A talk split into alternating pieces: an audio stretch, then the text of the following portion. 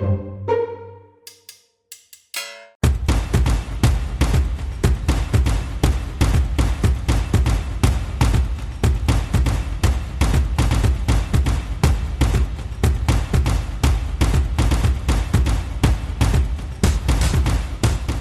Hormon nedir? Davranışlarımızın nedeni midir, sonucu mudur? Bugünkü konumuz bu. Vallahi seneler önce deselerdi YouTube'da bir tane video olacak. Sen oturup hormon nedir diye anlatacaksın. Ya saçmalamayın YouTube'da kim böyle bir şey dinler? Hatta YouTube ne falan diye sorardım ama hayatımıza YouTube girdi. Sonra bir de YouTube'da böyle konuları konuşabilir hale geldik. Vallahi bu benim için derin bir mutluluk vesilesi. E burada olduğunuza göre ya başta görüp gelmişsinizdir muhtemelen. Siz de hormon denen şeyin ne olduğunu merak edebilecek kadar kısmetli insanlar grubuna giriyorsunuz ki dünyada küçük bir azınlığın içerisindesiniz. Sizi tebrik ederek başlamak istiyorum o yüzden. Efendim hormon vücudumuzdaki kimyasal habercilere verdiğimiz genel bir isim.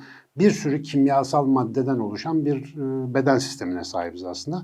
Fakat hormon tanım olarak özel bir kimyasal madde tipini işaret ediyor ve bu e, kimyasal madde tipinin özelliği şu vücudun bir yerinden hücreler tarafından yapılıp salgılanıyor.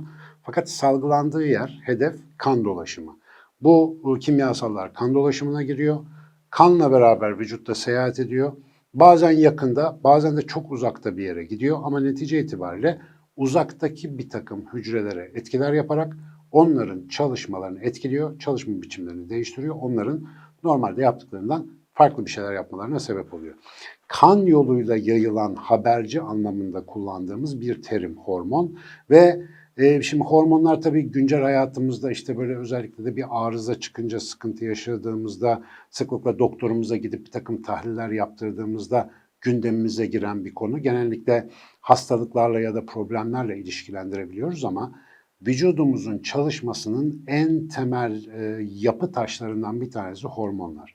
Hatta hatta senelerce biz işte ben beni biliyorsunuz artık beyin adama çıktı ismim. Valla geçenlerde birisi öyle dedi bir yerde gördü. Siz beyin adam değil misiniz falan diye çok gurur duydum tabii ki. Devamlı beyinden falan bahsediyoruz ama bizim sinir sisteminin ifade ediliş biçimlerinden bir tanesi de nöroendokrin sistemdir. Endokrin sözcüğü, nöroyu biliyorsunuz artık beyin falanla ilgili bir terim o. Ee, endokrin ise endo iç, krin salgı demek içerideki salgı, kan dolaşımına verilip vücudun içinde gezen salgı anlamına gelen bir terim. Yani biz hormon sistemi dediğimizde bunun tıbbi karşılığı endokrin sistem olarak geçiyor biliyorsunuz. Aynı anlama geliyor ikisi.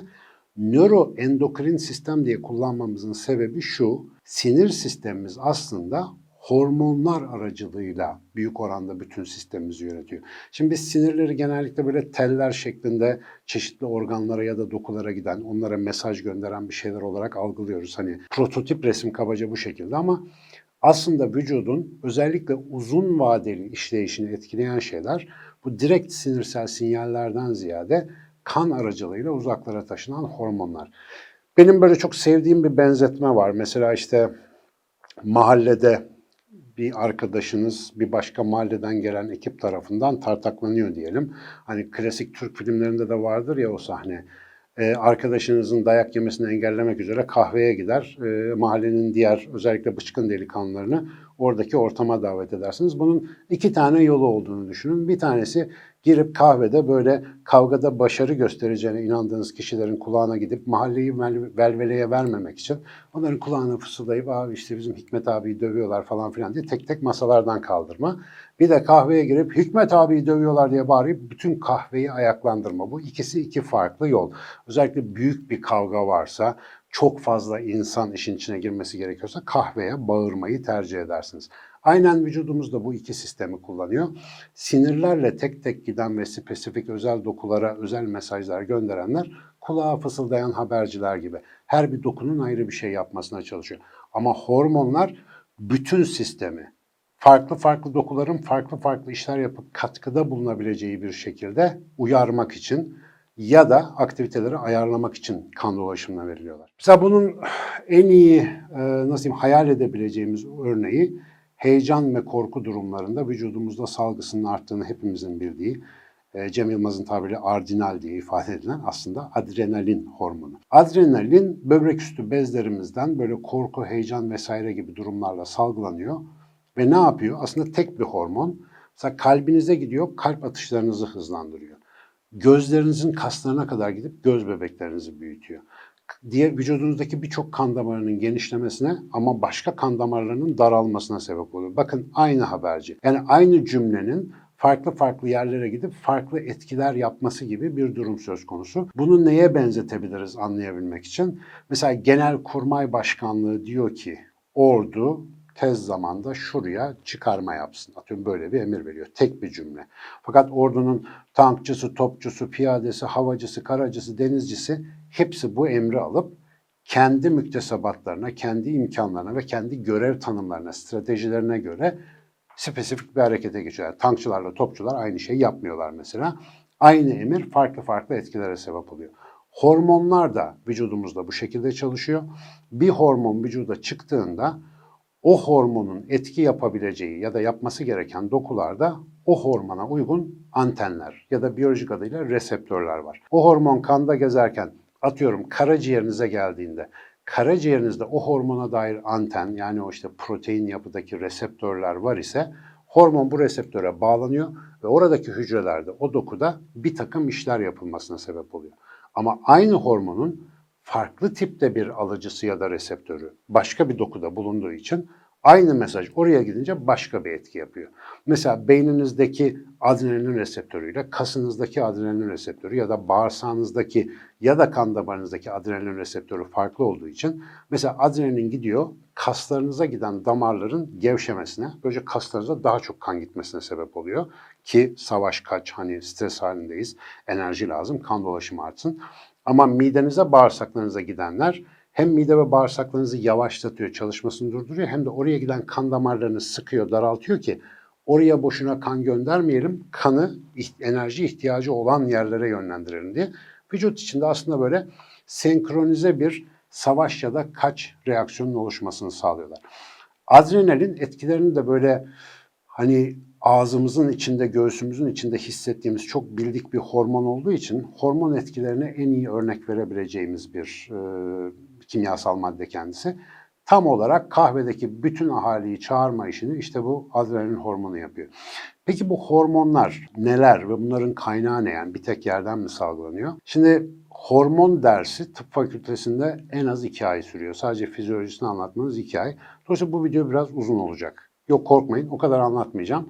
Ama sadece hormon sisteminin mantığını ve endokrin yani hormon sistemi dediğimiz şeyin vücutta nasıl kontrol edildiğinden kısaca bahsedeceğim. Çünkü bu kısım hemen hemen hepimizi günlük hayatta çok fazla ilgilendiriyor. Efendim senelerdir beyin beyin beyin diye boşa anlatmıyoruz. Çünkü beyin vücudun bütün hani vücudu bir orkestra olarak düşünürseniz onun orkestra şefi gibi en tepede oturuyor. Mesela biz genellikle bilinçli algımız, hafızamız falan bağlamında beynimizi önemsiyoruz ya da günlük hayatımızda hep ona kafa yoruyoruz ama beynin esas işlevi bizim bilincimizden ya da bilinçli kontrolümüzden ağrı, ondan uzakta olan iç işlerimizi yönetme becerisinden geliyor. Bunu da büyük oranda işte bu hormon sistemi aracılığıyla yapıyor. Beynimizin tam ortasında bir yerde 3 gramlık bir et parçası var. Bu et parçasının adı hipotalamus.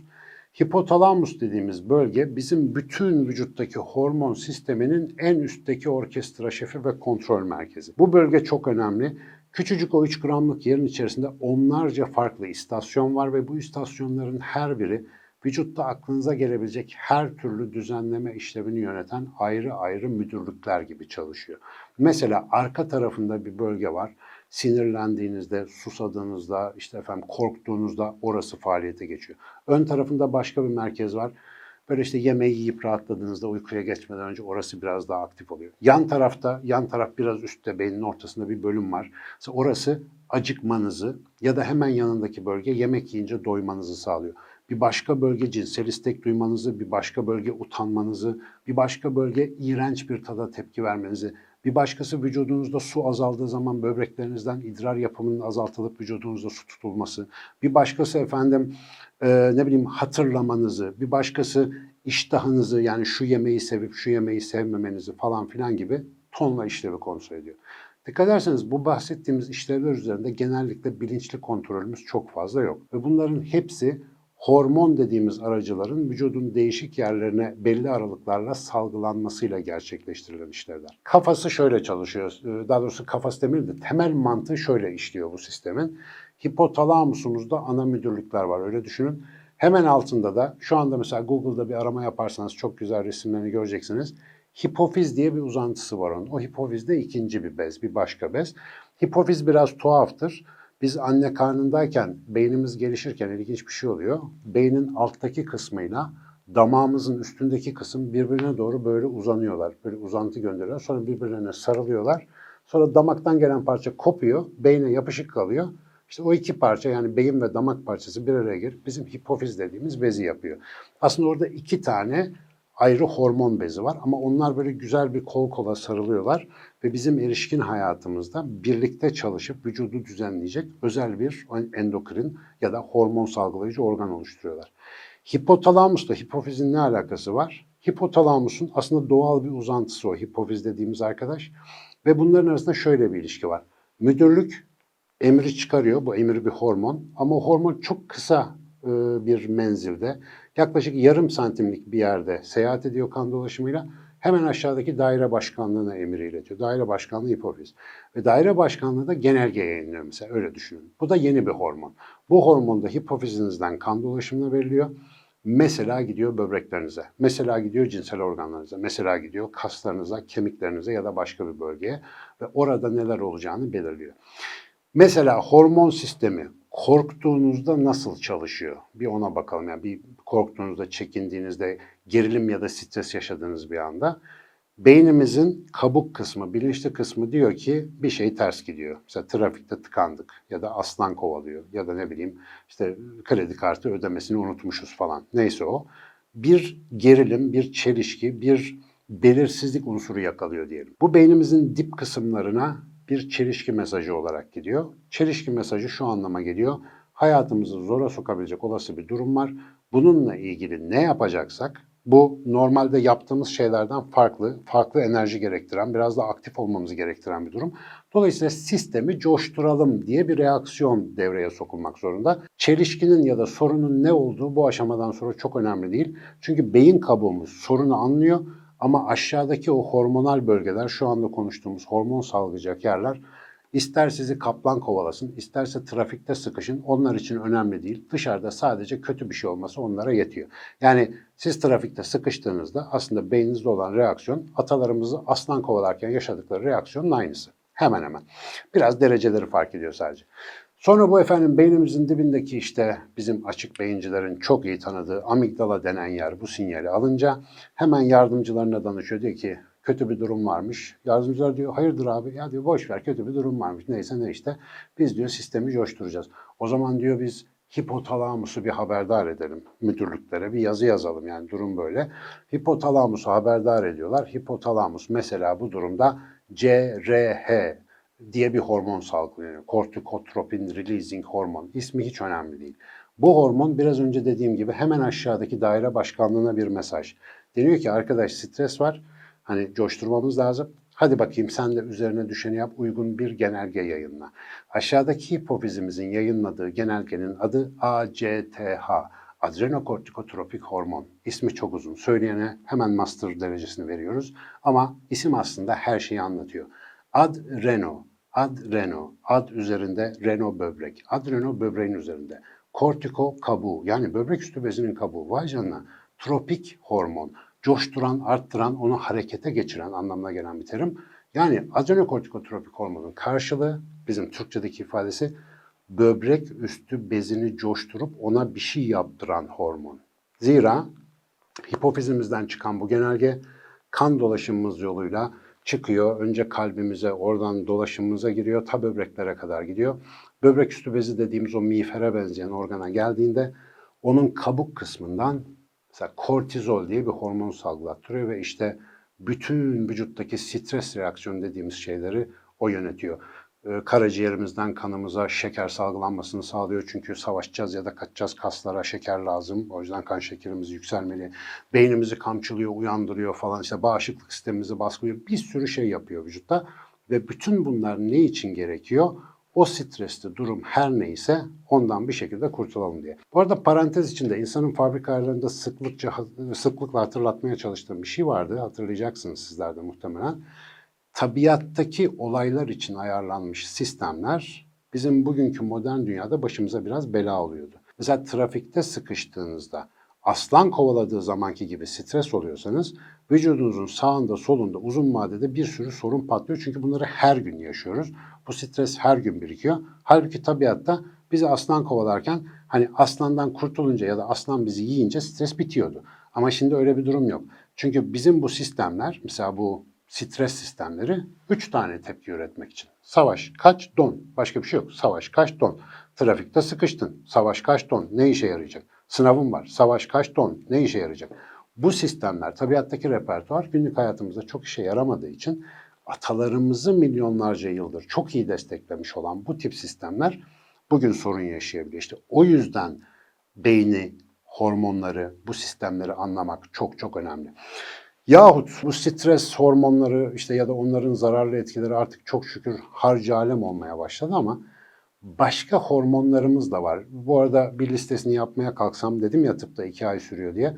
30-40'ın üzerinde ana hormon sayabiliriz şu anda. O da sırf benim hatırladıklarım. Daha kim bilir e, çok ilgilenmediğim yeni bulunan neler vardır. Belki her 3 ayda bir yeni hormon keşfediyoruz. Ama bu hormonların her biri öyle acayip işlerle uğraşıyorlar ki tek tek fonksiyonlarını anlamaya başladığınızda vay be diyorsunuz ya ben bayağı bir hormon çorbasıymışım her işi hormonlar yapıyormuş diye. Mesela şu anda bu videoyu bilmem kaç dakikadır izliyorsunuz ama ben özellikle böyle bakarken şu anda bir kameraya bakıyorum ama sizinle göz göze konuşuyoruz şu anda. Eğer 3-5 dakikadır benim böyle anlatımıma bana bakarak iştirak ediyorsanız beyninizde enteresan bir hormon salgılanmaya başlamış olmalı. Çünkü bu milyonlarca yıldır bir insanla göz göze bakışırken salgıladığımız bir hormon. Oksitosin bu hormonun adı. Böyle bizi bir rahatlatıyor, bir gevşetiyor. Karşıdaki insandan bize bir zarar gelmeyeceğini fark ediyoruz. Onunla daha böyle rahat iletişim kurmaya başlıyoruz falan. Mesela YouTube'un gerçekten böyle bir etkisi var. Ben eskiden videoları şuraya bir yere bakarak anlatıyordum. Dediler ki hocam böyle güzel olmuyor. Ekrana bak. Aa sonra jetonum düştü. Ben kameraya bakarsam siz bu videoyu izlerken benim gözlerime bakarsanız milyonlarca yıllık devreler sayesinde aramızda aslında bir güven ilişkisi oluşuyor. Ben de kameraya bakıyorum ama arka planda sizi hayal ediyorum. Merak etmeyin o sayede ben de içeriden oksitosin salgılıyorum. Neticede bu hormon ne yapıyor? Bizi birbirimize bağlıyor. Sosyal bir organizma olarak hareket etmemizi mümkün kılıyor. Ama İşin bir de faizi var. Sağlığımızı daha iyi bir hale getiriyor salgılandıkça. Mesela vücudumuzdaki bağışıklık sisteminin aktivitesini arttırıyor. Kanser hücrelerimizin üremesini azaltıyor. Vücudumuzdaki yaygın iltihabi reaksiyonları baskılıyor ki iltihabi reaksiyonlar hani neredeyse tıpta bildiğimiz hemen hemen her hastalığın, sinir hastalıkları dahil olmak üzere zeminini oluşturan bir durum. Dolayısıyla kendimizi böyle yakın, samimi bir çevrede hissetmek hani bize iyi geliyor ya, bunun bile arkasında en az bir ama aslında 5 ondan fazla hormon var. Dolayısıyla hormonlar aslında bu hayatta ne yapıyorsak, dış ortamla ilişkimiz, içsel olarak yaşadığımız her şey, bunun vücudumuz tarafından nasıl bir reaksiyonla karşılanacağını belirliyor. Ve işin bir de unutmamamız gereken bir kısmı var. Biz sadece yediğimiz, içtiğimiz ya da yaptığımız hareketlerin sağlığımıza ne tip etkiler yaptığını merak ediyoruz. Ya da bu konularla ilgili bir şey öğrenmeye çalışıyoruz ama sıklıkla ıskaladığımız ve aslında bence en çok üzerinde durmamız gerekirken pek de kale almadığımız bir konu daha var. Şurada neler olup bitiyor? Her gün zihnimizde ne düşünceler ürüyor? Sıklıkla örneğini veriyorum. Limon düşününce ağzı sulanan bir bedenimiz var. Erotik bir şeyler düşününce vücudunda bir takım dolaşım değişiklikleri yaşayan bir bedenimiz var. Utandığımız bir an aklımıza geldiğinde yüzü kızarabilen bir bedenimiz var. Yani zihnimizde olan şeyler doğrudan aslında bedenimize yansıyor ve bunu çok iyi biliyoruz. Bütün gün zihnimizde geçen düşünceler de özellikle olumsuz düşünce kalıpları ise hormonal sistemimizi uzun vadede olumsuz bir kokteyle doğru yavaş yavaş çevirebiliyor. Bu nedenle hem düşünce kalıplarımıza biraz aşina olacak pratikleri hayatımıza yerleştirmek. Yani acık kendimizle baş başa kalıp aga ben niye sürekli bunları düşünüyorum, nedir bu durum, hani bu hayatı düşünmenin ya da tatmanın başka bir yolu yok mu gibi hani şu mindfulness denen kendinin iç dünyanın bilinçli farkındalığını geliştirmeye yönelik egzersizleri biraz daha hayata katmakla uğraşmalı. Bir de bunların hani olumsuz hallerine dair biraz bilgi edinmeliyiz ki hani dikkat etmezsek başımıza neler geleceğine dair böyle kontrollü bir korkuda yaşayalım iyi olur. Çünkü insanı kendi haline bıraktığınızda bu işte fabrika ayarlarına uyumsuz ortam nedeniyle sistem sıklıkla daha iyiye değil arızaya doğru gidiyor. Onu biraz yani dikkatle bence kişisel bir proje olarak ele almak lazım. Artık yani bu YouTube kanalını yapmamızın, açık beyinde bunları anlatmamızın bir sebebi de bu bilgi artık uzmanlara has bir bilgi olmamalı. Hepimizin bu bilgiye ihtiyacı var. Hepimizin bunlar üzerinde düşünme ve olabildiğince derinleşme ihtiyacı var. Ne kadar iyi öğrenirsek o kadar iyi geliyor. Bu arada geçenlerde bir çalışma okudum çok ilginç. Sadece bir ay boyunca nörobilim ve nörohormon dersi verilen insanların stres düzeyinde ölçülebilir azalma oluyormuş. Yani kendi beyninizin çalışma prensibini öğrendikçe böyle kendinizi iyi hissediyorsunuz. Ama ve lakin. Gelelim esas konuya. Başlangıç sorumuzun ikinci sorusu, ikinci kısmı.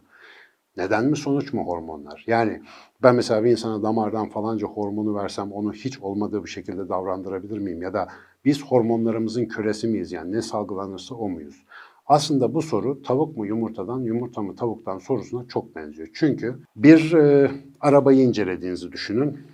Araba bir yolda bir yerden bir yere gidiyor. Ankara'dan İstanbul'a gidiyor mesela. Siz bu arabanın nasıl çalıştığını inceliyorsunuz. Elinizdeki metotlar, işte kabiliyetiniz, bilginiz oranında arabayı anlamaya çalışıyorsunuz. Bir sürü ölçümler alıyorsunuz. Bakıyorsunuz motorda bir şey yanıyor, motor bloğu ısınıyor, bir takım kasnaklar, dişliler dönüyor, pistonlar çalışıyor falan. Ve mesela şöyle bir sonuca varabiliyorsunuz. Diyorsunuz ki bu arabayı götüren şey şu işte adına benzin hortumu denen şeyin içinden geçen şu sıvıdır diyorsunuz mesela.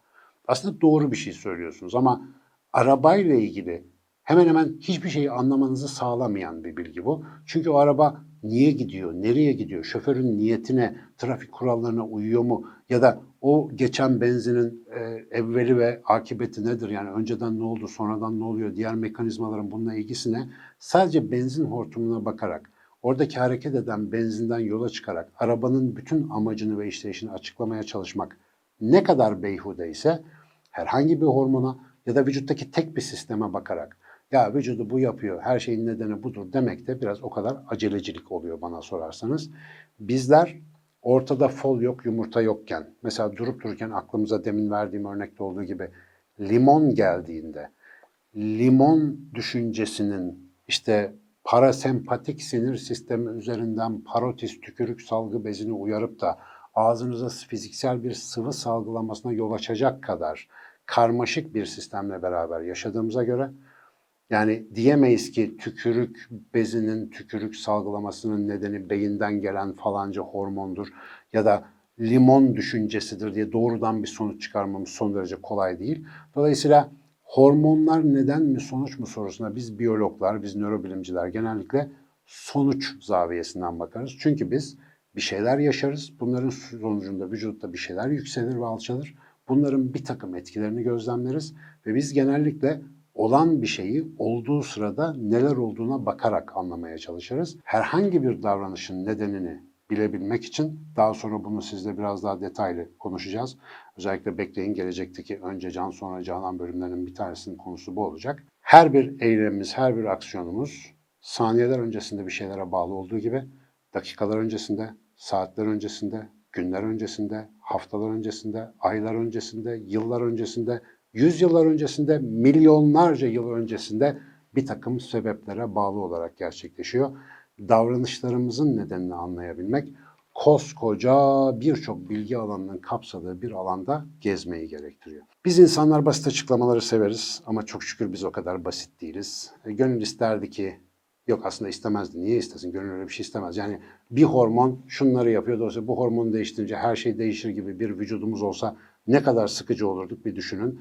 Zira e, bu Sophie'nin dünyasını yazan Jostein Gardner ne diyor? Beynimiz onu anlayabileceğimiz kadar basit olsaydı bizler yine onu anlayamayacak kadar basit olacaktık. Çok havalı laf. Felsefecilerin işi bu zaten biliyorsunuz. Havalı laflar etmek. Dolayısıyla neden sonuç basit model hemen açıklayayım. Sevdasını bir kenara bırakıp en azından şu hormon konusu vesilesiyle şu vücuttaki enteresan sistemin şöyle bir keyfini çıkarıp hiç anlamadan ölüp gideceğimiz bir sürü şeyle etrafımızın çevrili olduğunu bir kere daha fark edersek bence dolar kuru daha az önemli olacak gibi geliyor bana sanki bilmiyorum. Görüşürüz.